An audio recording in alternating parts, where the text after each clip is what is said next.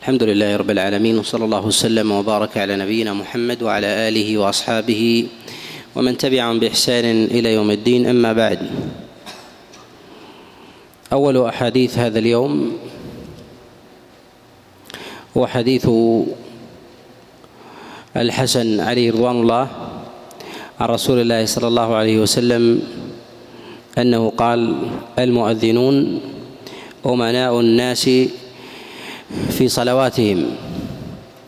وهذا الحديث رواه البيهقي من طريق الشافعي عن عبد الوهاب عن يونس عن الحسن البصري عن رسول الله صلى الله عليه وسلم مرسلا. وهذا الحديث معلول بالإرسال. وكذلك الاضطراب في إسناده فقد وقع فيه اختلاف. فالشافعي رحمه الله وعنه البيهقي يرويه من حديث عبد الوهاب عن يونس عن الحسن عن رسول الله صلى الله عليه وسلم مرسلا وتابع عبد الوهاب عليه محمد بن أبي عدي كما رواه البيهقي من حديث علي بن المديني عن محمد بن أبي عدي عن يونس عن الحسن مرسلا. وهو الصواب ولكنه جاء جاء موصولا من وجه آخر. جاء موصولا من وجه آخر ولكن من حديث أبي هريرة. فقد رواه الدار قطني من حديث عبد الله بن محمد بن المغيرة عن سفيان الثوري عن يونس عن الحسن عن أبي هريرة عن رسول الله صلى الله عليه وسلم قد جعله من مسند أبي هريرة وهو وهم وخطأ. والصواب أنه من حديث الحسن مرسلا صوب ذلك الدار قطني والبيهقي وغيرهم. وقد جاء من حديث جابر بن عبد الله كما رواه البيهقي من حديث يونس عن الحسن عن جابر بن عبد الله وهو وهم وغلط. والحديث إنما هو من مراسيل الحسن. إنما هو من مراسيل الحسن. والحسن البصري مراسيله وسائر مراسيل البصريين والكوفيين من أوهى المراسيل. وذلك لبعدهم عن زمن رسول الله صلى الله عليه وسلم وأيضا لقلة حديث الكوفيين لقلة حديث الكوفيين والبصريين الذي يروونه عن رسول الله صلى الله عليه وسلم وليس بينهم إلا واحد. ولهذا فإن مراسيل الحسن من أوهى المراسيل. وأما كلام العلماء رحمهم الله في بعض المراسيل إنها مراسيل صحيحة فمرادهم بذلك أنها أصح أنها أصح من جنسها من تلك الطبقة. فقد يقال مثلا في بعض العراقيين مراسيله صحيحة ويردون بذلك هي صحيحة بالنسبة لأهل بلده وإلا فكلها ضعيفة وإلا فكلها ضعيفة. والحكم في ذلك هو العمل والحكم في هذا هو العمل. فإذا نظرنا إلى عمل الأئمة نجد أنهم لا يحتجون بالمرسل على الإطلاق إلا إذا احتفت به قرينة وهذه القرينة كأن تكون مثلا أصل من الأصول التي يحتج بها كالقياس أو الإجماع أو نحو ذلك فإنها تقبل.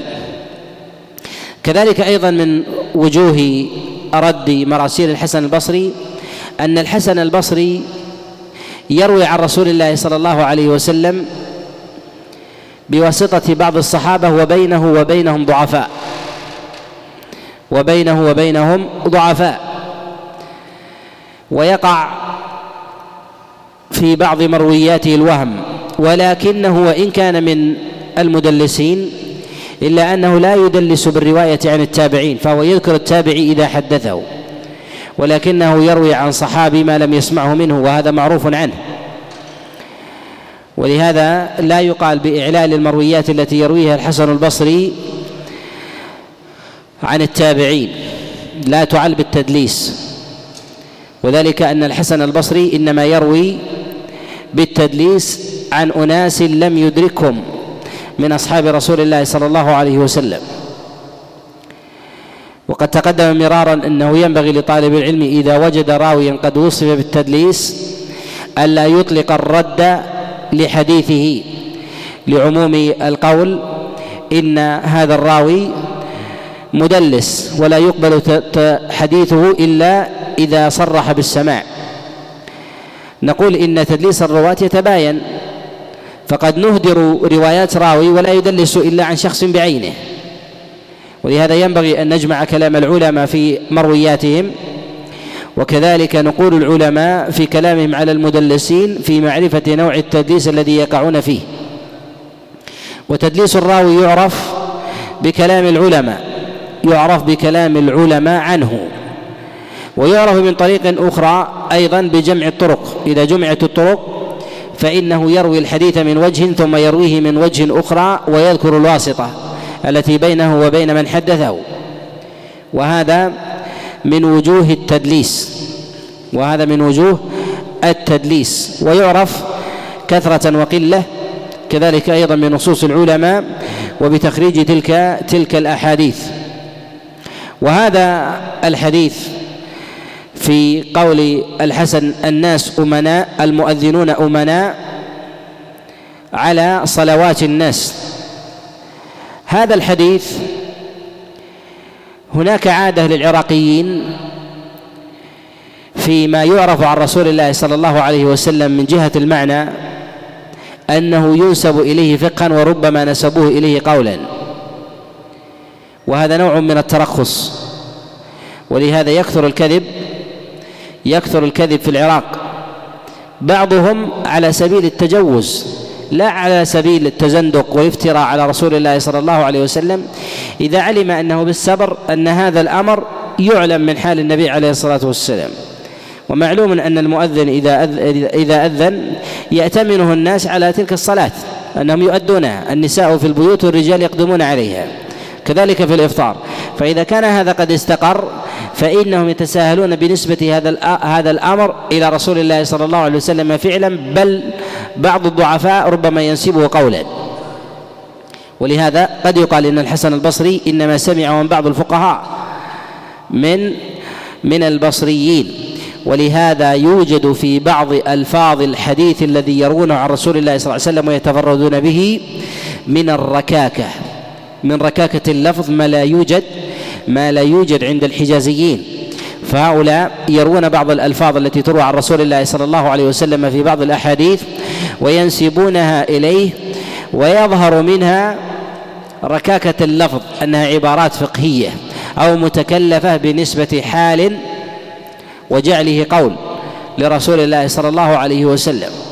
وهذا في إنما نريده هنا في مسألة المؤذنون أمناء وإن كان هذا الأصل مفهوم في الشريعة إلا أن القطع به باعتبار أن الإنسان إذا سمع الأذان إنه يتحمل المؤذن على الإطلاق لكن نقول ينبغي له أن يتحرى. ينبغي له أن يتحرى وأن يعرف أحوال المؤذنين. وهذا يقيده ما جاء رسول الله صلى الله عليه وسلم في قوله إن بلالا إن بلالا يؤذن بليل. يعني أنه ينبغي الإنسان أن يفرق بين الأذانات والا يقطع ألا يقطع بالاتكال على المؤذن في صلاته على الإطلاق. وإنما إذا عرف من حاله الثقة وسبرها اعتمد اعتمد عليه. الحديث الثاني وحديث أبي محذورة أنه قال المؤذنون مؤتمنون على صلاة الناس وصومهم. وجاء في لفظ أو حاجتهم. وهذا الحديث رواه الطبراني في كتابه المعجم من حديث يحيى الحماني عن إبراهيم بن عبد الملك بن أبي محذورة عن أبيه عن جده أبي محذورة عليه رضوان الله أن رسول الله صلى الله عليه وسلم قاله. وهذا الحديث منكر أيضا فإنه من مفاريد فإنه من مفاريد يحيى الحماني وقد ضعفه الأئمة. ضعفه الإمام أحمد وأبو حاتم والبخاري وغيرهم. وقد اتهم ونسب إلى الكذب أيضا. وقد نسبه إلى ذلك الإمام أحمد رحمه الله. وهذا الحديث من مفاريده عن إبراهيم بن عبد الملك ابن أبي محذورة. وأبو محذورة صحابي جليل مشتهر بالأذان عن رسول الله صلى الله عليه وسلم. ومثل هذه المعاني تقصد منه وتؤخذ عنه لاختصاصه والاشتهاره بذلك. وأيضا تؤخذ الرواية عن أبنائه بهذا وإنما تفرد بها يحيى الحماني وذلك موجب للرد وذلك أن مثل هذا ينبغي أن يشتهر ويرويه الكبار. فإذا روى مثل هذا الحديث غير يحيى الحماني عن إبراهيم بن عبد الملك بن أبي محذورة لاحتمل القبول لاحتمل القبول ولو كان التفرد فيه متأخرا. وإنما قلنا بجواز التفرد لو رواه غير يحيى الحماني في هذا قلنا بجوازه لأنه رواية الأبناء عن الآباء. ورواية الأبناء عن الآباء يحتمل فيها التأخر ولو كان في طبقة التفرد ولو كان في طبقة متأخرة. لماذا؟ لشدة الاختصاص لشدة الاختصاص.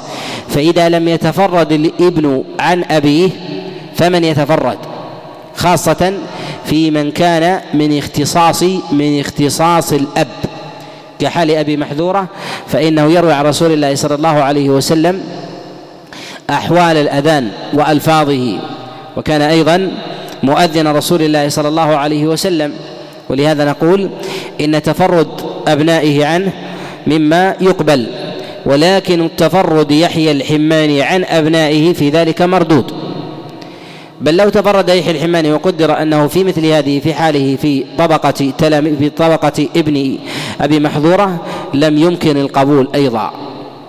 وذلك أن أبا محذورة إذا حدث غير أبنائه يعني يعني أن هذا الحديث الذي حدث به ليس له مزية اختصاص بالرواية. فإذا خرج عن دائرة الدار والأبناء وجب أن يأخذه الثقات. وأما إذا كان في الدار فإنه يأخذه يأخذه الأبناء وهم أولى الناس أولى الناس به.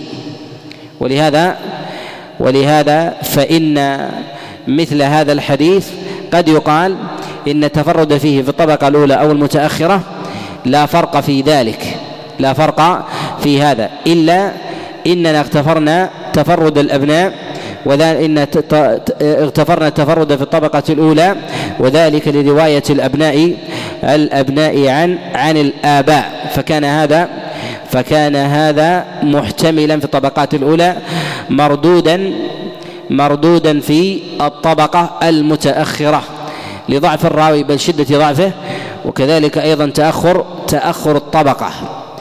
ولماذا إذا كان الراوي في طبقة متأخرة؟ لا يحمل منه التفرد. لماذا يا أيمن؟ الراوي كلما كان متأخرا لا يحمل منه التفرد.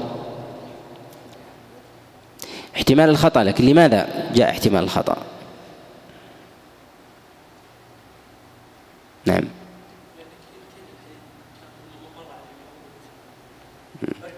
أنت نقاد. نعم.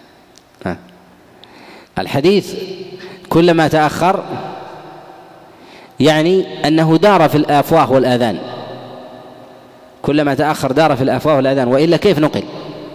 يعني تعددت المجالس. كلما تأخر عقدا دل على أنه دار في المجالس. وإذا دار في المجالس أين العقول والقلوب التي سمعته لم يروه إلا إلا ذاك؟ وإذا تأخر قل دورانه. وإذا تقدم قل دورانه. يعني أخذه الإنسان مباشرة. فلا نعلم هل رواه في مجلس واحد أم أم لا. ولهذا نقول إن رواية الراوي تفرد الراوي هذا ينبغي أن تضبط يا أخوان. تفرد الراوي في طبقة متقدمة عن راوي مشتهر يساوي تفرد الراوي المتأخر عن راوي مقل. كيف يكون هذا يا سعود؟ تفرد الراوي المتقدم عن راوي مجتهد مجتهد بالتحديث تفرد واحد عنه وهو متقدم. لا نغتفر هذا ولو كان متقدما. يساوي رده رد رواية الراوي المتأخر ولو كان عن راوي مقل. إذا كان الراوي مقل مقل بالرواية يحدث عن راوي مقل بالرواية قلة الرواية تعني أنه لا يعقد المجالس لا يعقد المجالس ولا يحدث أحدا وإنما يحدث قلة. هذا يعني أن دائرة التحديث لديه ضيقة. نحن لماذا نعل في التأخر؟ نعل في التأخر أن المجالس كثيرة وطول الزمن امتد للرواية فلماذا لم ينقل؟ ولكن إذا كان الراوي لا يحدث أحدا معروف أنه ليس له مجالس وليس له دروس وليس له طلاب ونحو ذلك ويروي واحد عن واحد وكل هذه الطبقات مقلة. هذا هل يقبل أم لا؟ في مثل التفرد هذا في إذا كان في طبقة متأخرة يقبل من وجه ويرد من وجه آخر. ذكرنا الراوي إذا كان مكثر مكثر بالرواية. الطبقة المتقدمة الإكثار من الرواية يعني تعدد المجالس. الرجل اختصر لنا الزمن. اختصر لنا الزمن. يعني أنه كان في الزمن الأول في الطبقة الأولى لديه مئة مجلس جلس مع الناس. مئة مجلس هذا قد يقال إنه مكثر. في الطبقة الأولى. إذا المئة المجلس نقول إن الحديث الذي حدث به هذا ربما كرره في ثلاثين أو في عشرين. هذه تساوي الزمن المتأخر مئة مجلس لثلاث رواة في كل طبقة مقلة. طبقة عشرين مجلس طبقة خمسة وعشرين طبقة ثلاثين. إذا حدث عند المتأخر مئة مجلس وعند المتقدم مئة. ساوت؟ ساوتها كثرة. اتضح هذا؟ واضح عبد الرحمن؟ إذا نقول إن الراوي عن المكثر التفرد عن المكثر المتقدم علة ليست بعلة؟ علة لأن كلما كثرت مجالسه دل على أنه أخرج الذي لديه من حديث. إذا ماذا يقول في المجالس؟ هو يقول هذا الحديث وأمثاله خاصة إذا كان المعنى جليل. المتأخر كلما كثر الرجال ولو كانوا مقلين تعددت المجالس. يعني كل طبقة نقول جلس هذا عشر حلق وذا عشر حلق وذا عشر حلق. إذا وجدنا أن عدد الأشخاص عند المكثر في الطبقة الأولى يساوون عدد الأشخاص الموزعين في في الطبقات كلها. لهذا نقول ننظر إلى ذات الراوي من جهة كثرة تلامذته وكثرة حديثه وننظر أيضا إلى تعدد الرواة. ويشتد النكارة هذه إذا كان الراوي في الطبقة الأولى مكثر ويروي عنه شخص مكثر ويروي عنه ش... انظروا كيف التركيز بكثرة المجالس وجد كثرة التحديث وكثرة الرواة ثم يأتي تلميذ من التلاميذ في طبقة رابعة ثم ينفرد عنه أليس هذا شديد النكارة؟ شديد النكارة لهذا الذي يأخذ أمثال هذه التفردات ويقول راوي ثقة يحدث عن ثقة يحدث عن ثقة يحدث عن ثقة لماذا نرده؟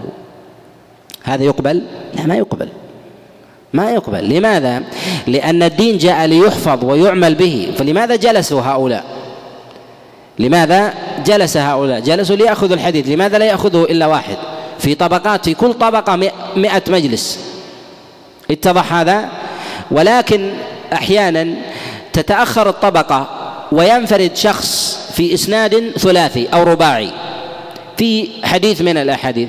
نقبله. لماذا؟ لأننا تتبعنا هؤلاء الرواة في كل طبقة وجدنا أنهم من المقلين. كلهم شخص ليس له إلا ثلاث تلاميذ واحد أربعة واحد اثنين ونحو ذلك. وهذا الرجل الذي تفرد محتمل. هذا يساوي رجل لم يجلس إلا عشرة مجالس وفي الطبقة الأولى. تفرد عنه. لهذا في حال التفرد ينبغي أن ننظر إلى عدد الإسناد عدد رجال الإسناد. يعني الإسناد هذا قرينة على كثرة التحديث ودوران الحديث. وإلا كيف وصل إلى هذه السلسلة؟ لا بد أنه صادف مجلسا من المجالس لأن العلم ليس سرا. وأين الحملة؟ فكلما كثر رواة الإسناد دل هذا كلما كثر رواة الإسناد دل هذا على دوران الحديث. وإذا كثرت روايات الراوي وكثر تلاميذه دل على كثرة حديثه لأن السلف الصالح من الرواة وأصحاب الدراية لا يجتمعون عند شخص فيروي عنه تلامذته ألف إلا والرجل قد عرف بالرواية وعرف بالفقه. عرف بالرواية وعرف بالفقه. وعرف بالرواية والفقه قبل أن يجلس عليه له مثل هذا مثل هذا العدد. وأيضا فإن هذا العدد الذي يروونه يروي عنه يروون عنه لم يجتمعوا مواطأة يعني لم يتواطؤوا وإنما هؤلاء الرواة المئتين الذين يروون عن هذا الراوي منهم من توفي وجاء وخلف بعدهم من لم يرهم أصلا. ولهذا لا بد في حال رد رواية الراوي في أبواب التفرد أن ننظر إلى طبقات الإسناد وأن ننظر إلى كثرة الرواية.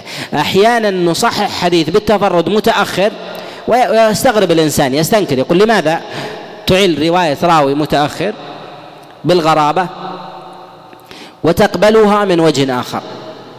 وهذه الرواية أشد تأخرا منها. وأحيانا تعل رواية تعل رواية راوي متقدم وتصحح متأخر وهذا فيه نوع من التناقض في الظاهر. ولكن نقول إنما أعللنا رواية المتقدم لأن ذلك المتقدم قد أكثر بالرواية وذلك المتأخر الذي حدث كان من المقلين. ولهذا نقول جلساؤه اثنين ثلاثة فلا غرابة أن يروي أن يروي عنه أن يروي عنه عنه واحد. الحديث الثالث في هذا حديث عبد الله بن عمر عليه رضوان الله أن رسول الله صلى الله عليه وسلم قال خصلتان في أعناق المؤذنين للناس. صلاتهم وصومهم. صلاتهم وصومهم. هذا الحديث رواه ابن ماجه في كتابه السنن من حديث بقية بن الوليد عن مروان بن سالم. عن عبد العزيز ابن أبي رواد عن نافع عن عبد الله بن عمر عن رسول الله صلى الله عليه وسلم. وهذا الحديث منكر. وهذا الحديث منكر. وإنما قلنا بنكارته لجملة من العلل. أولها أن هذا الحديث تفرد به عبد العزيز بن أبي رواد عن نافع عن عبد الله بن عمر. وعبد العزيز بن أبي رواد لا يحتمل منه التفرد بمثل هذا عن نافع لأن له أصحاب فقهاء كثر. هذا المتن متن فقهي متن فقهي متين يتعلق يتعلق بالصلاة والصوم. يتعلق بالصلاة بالصلاة والصوم. ونافع له فقهاء من أصحابه ورواة كثر. عبد العزيز بن أبي رواد من أهل الرواية ولكنه قليل الدراية قليل الفقه. في مثل هذا الحديث ينبغي أن يحمله الكبار. ينبغي أن يحمله أن يحمله الكبار. وتفرد عبد العزيز بن أبي رواد في هذا عن نافع عن عبد الله بن عمر منكر. أعله بهذا أبو نعيم في كتابه الحلية. قال تفرد به ابن أبي رواد عن نافع ولا نعلمه عنه يعني عن نافع إلا به بهذا الإسناد. وأيضا العلة الثانية أن هذا الحديث تفرد به بقية. ابن الوليد عن مروان بن سالم. وبقية بن الوليد معروف بالتدليس. وتدليسه أيضا من شر أنواع التدليس. العلة الثالثة هو مروان بن سالم. وقد ضعفه الأئمة. لينه البخاري وأبو حاتم والإمام أحمد والنسائي وغيرهم وهو منكر الحديث. وهو منكر منكر الحديث. وهذا الحديث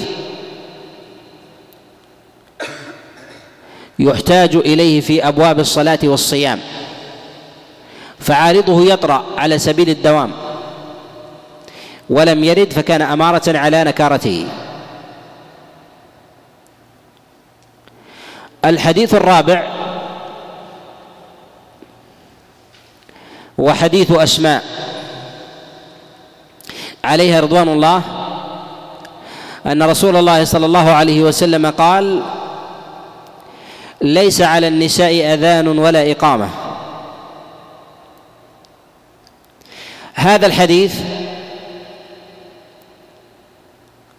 رواه ابن عدي في كتابه الكامل.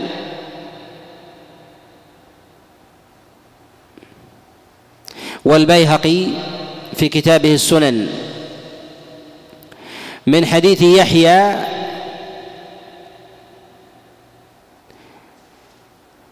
عن الحكم ابن عبد الله الإيلي عن القاسم عن أسماء.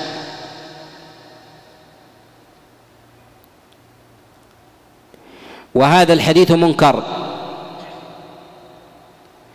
لا يعرف فيه حديث مرفوع عن رسول الله صلى الله عليه وسلم إلا من هذا الوجه ويروى من حديث الحسن من حديث أنس بن مالك ويأتي الكلام عليه.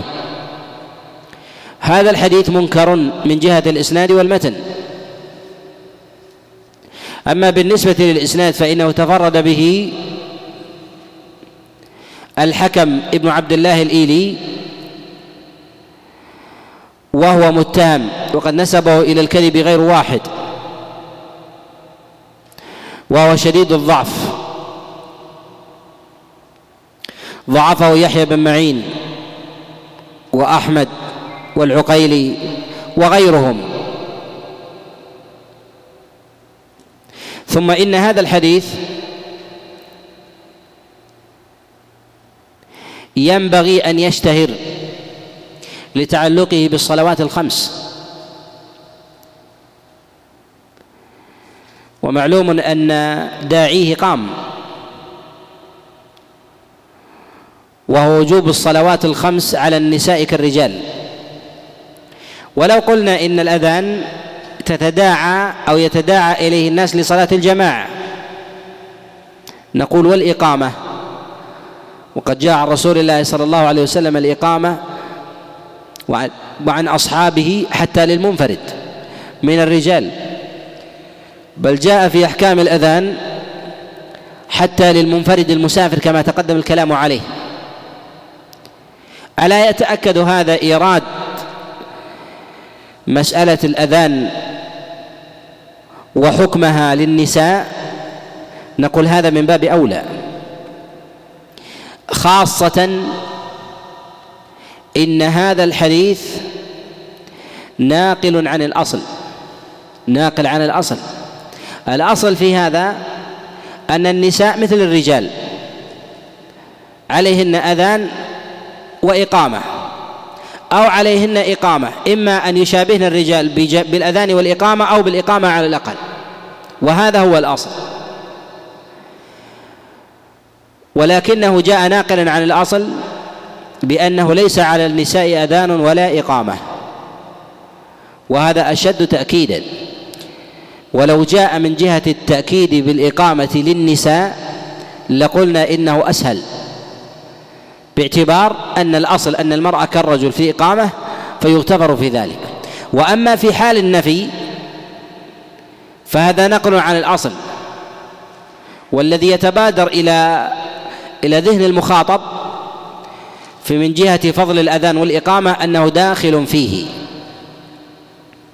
أنه داخل داخل فيه.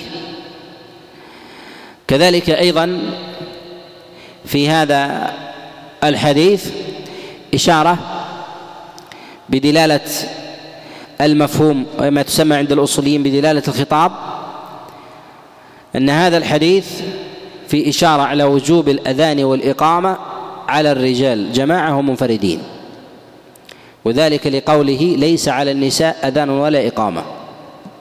نعم. نعم. يعني واجبة. وعلى من من ألفاظ الإيجاب. وعلى من ألفاظ الإيجاب. وهذا ينبغي أن يرد بما هو أكثر أكثر من هذا. ومثل هذا لا يمكن أن يتفرد به الحكم ابن عبد الله الإيلي. ولهذا نعلم بأن هذا الحديث منكر. وجاء من حديث أنس بن مالك وهو أشد ضعفا وهو واهي جدا. ذكره البيهقي ولكنه جاء عن أنس موقوفا وهو الصواب. رواه أبو بكر بن أبي شيبة وابن المنذر في كتاب الأوسط. من حديث المعتمر بن سليمان عن أبيه عن أنس بن مالك أنه قال ليس على النساء أذان ولا إقامة. وإسناده صحيح عن أنس.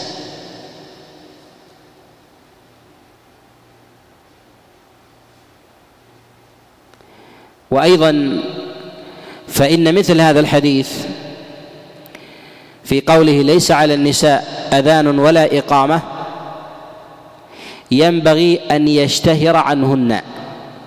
أن يشتهر عنهن من جهة القول والفتيا بعدم الإيجاب. كذلك أيضا فإن ظاهر العمل في زمن رسول الله صلى الله عليه وسلم هو عدم إيجاب الأذان والإقامة على النساء. هذا ظاهر العمل. وقد تقدم معنا قبل قليل أن ما كان ظاهرا من جهة العمل في زمن رسول الله صلى الله عليه وسلم الأمر الظاهر أن الضعفاء يخطئون فيه وينسبونه قولا.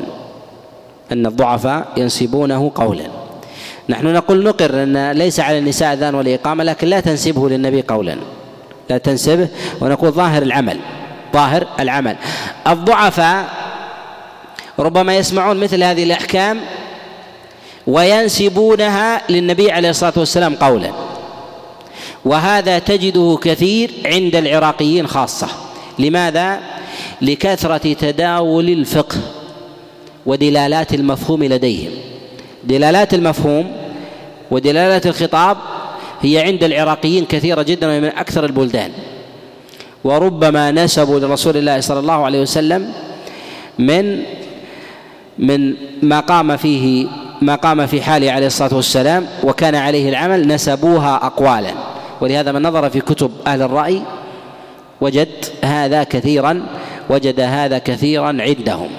ولهذا نقول إنه ينبغي لطالب العلم أن ينظر أن من قرائن الإعلال والرد للأحاديث في تفردات الكوفيين والعراقيين على وجه العموم أنهم يتفردون بحديث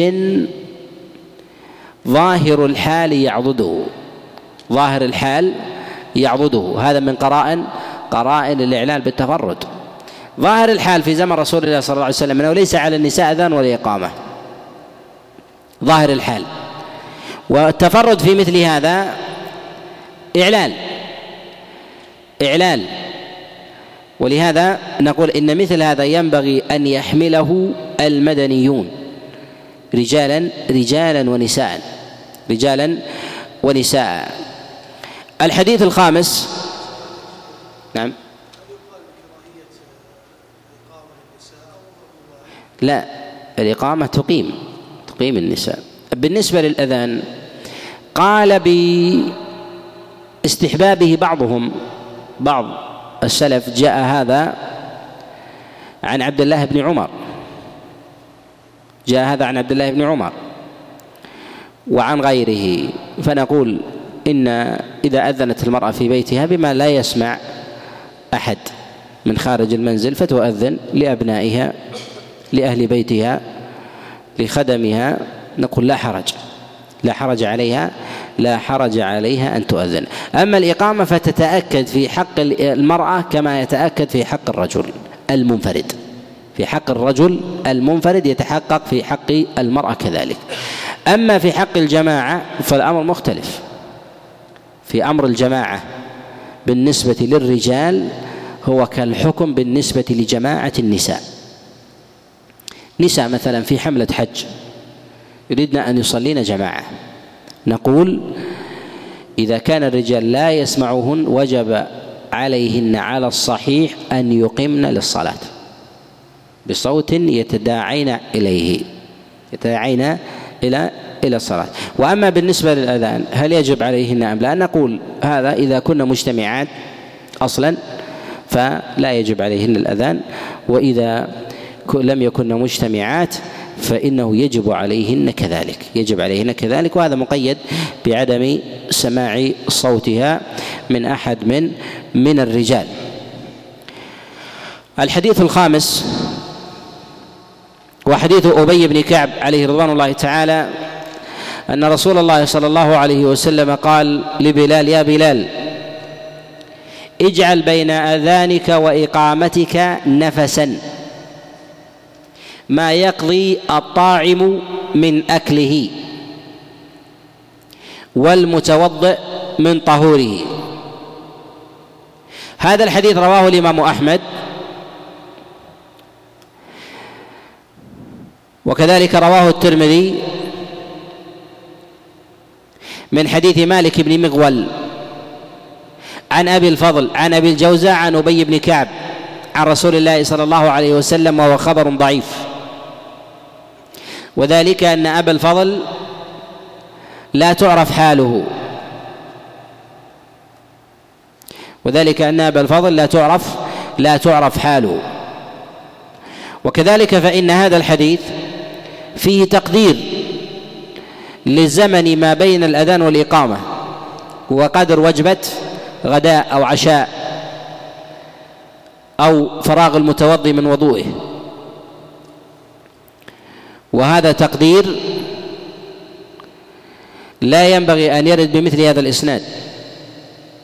كذلك فإن ظاهر المتن يخالف أحاديث اخر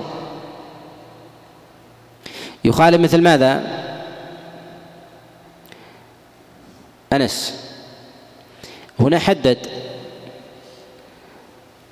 اجعل بين أذانك وإقامتك نفسا. مثل ما يفرغ الآكل أو الطاعم من أكله والمتوضئ من وضوئه.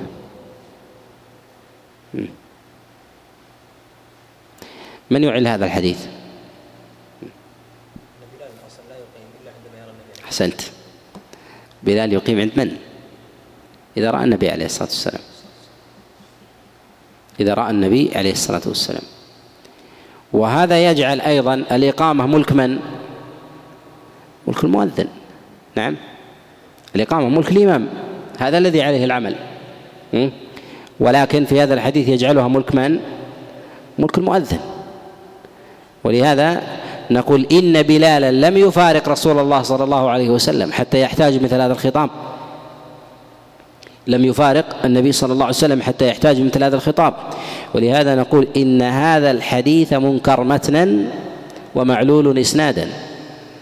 ومعلول ومعلول إسنادا وذلك لتفرد أبي الفضل وهو مجهول عن أبي الجوزاء عن أبي بن كعب. العلة الثالثة العلة الأولى الجهالة نكارة المتن الثانية الثالثة هي عدم سماع أبي الجوزاء من أبي بن كعب عليه رضوان الله. على هذا نقول إن الحديث ضعيف. لكنه جاء من وجه آخر. من حديث عبد المنعم بن نعيم عن يحيى بن مسلم عن الحسن وعطاء بن أبي رباح عن جابر عن رسول الله صلى الله عليه وسلم وهو خبر ضعيف أيضا.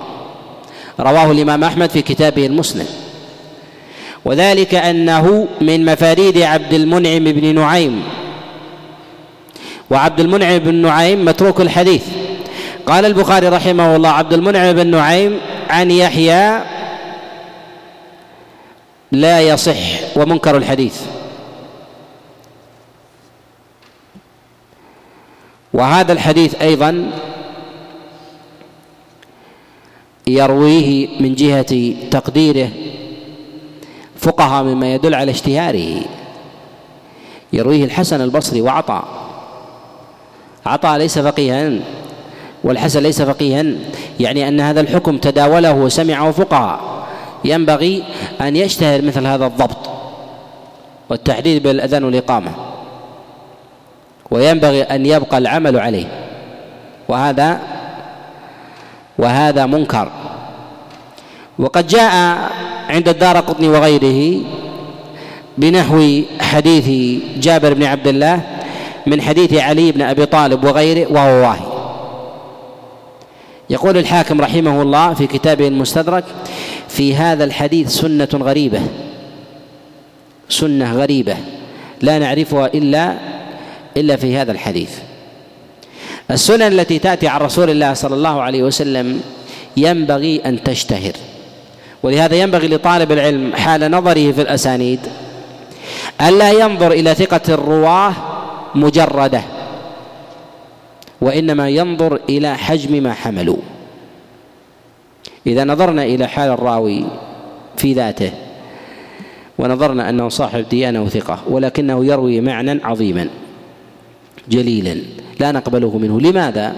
لأن هذا الدين ليس لك. الدين ليس لك. ولكل الناس ولماذا لم تروه إلا أنت في طبقة متأخرة؟ ولكن أن يروي شيئا قليلا يحتمل منه يا أيمن يحتمل منه أن يروي معنى يسيرا. ضربنا مثال في التفردات في المعاني العظيمة والقليلة. لو جاءك شخص اسمه أنس وأتاك بقال أرأيت هذه الحجارة؟ وزنها طن. أنا أتيت بها من شرق شرق آه، مكة ولا شرق المدينة. هذا يقبل؟ تقول أنت ثقة ولكنك نائم.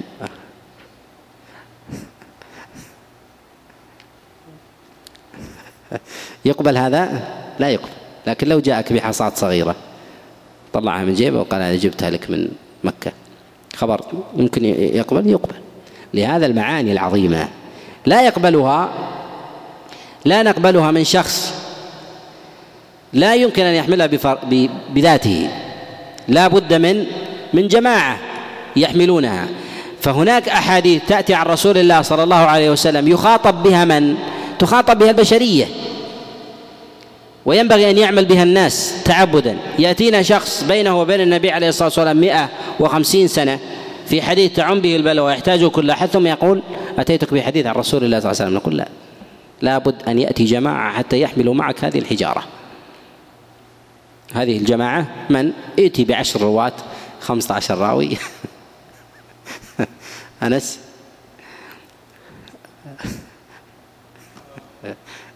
نعم كرامة. لا لا ما يمكن. لكن أنت يمكن تعملها قد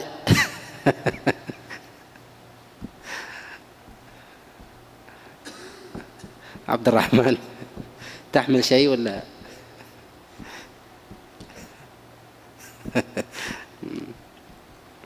الراوي قد قد يكون مكثر من المكثرين في الرواة يقبل تفرده. يقبل التفرد كالزهري مثلا. الزهري مكثر. كحالك أنت. يحمل. اتضح مثال. في سؤال يا أيمن. عبد الرحمن إخوان.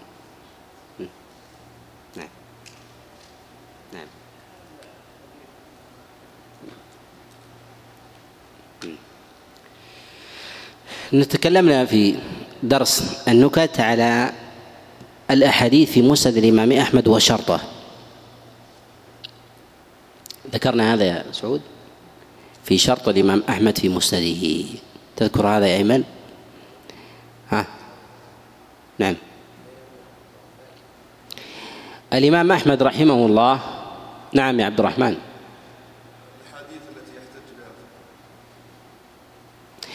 الإمام أحمد أحسنت الإمام أحمد يخرج في كتابه المسند الحديث الذي يحتج به الفقهاء واشتهر عندهم وعرف في الآفاق.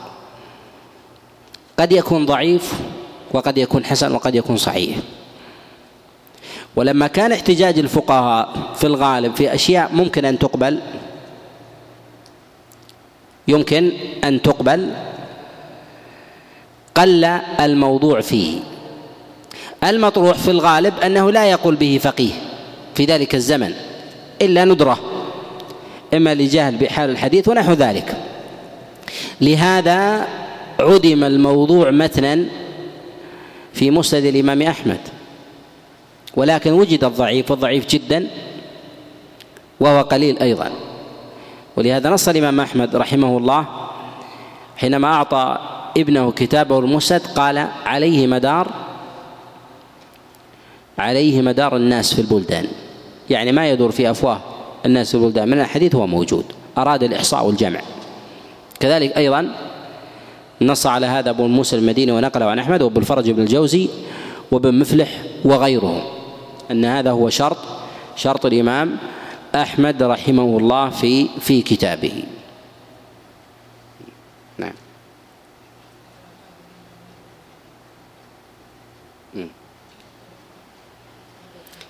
يقول حديث إنما الأعمال بالنيات. تفرد وغرابة كيف نجيب على هذا؟ يا أسامة.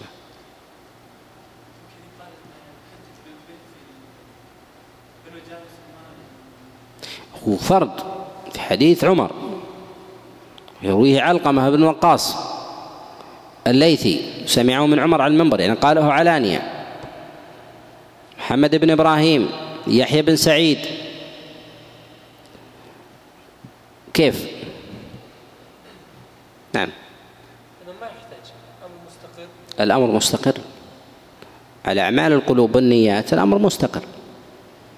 لم يكن الأمر محتاجا إليه. مسألة النية وأن العمل بها الأمر هذا لا يحتاج إليه. لا يحتاج لا يحتاج إليه حتى ينقله الناس. نعم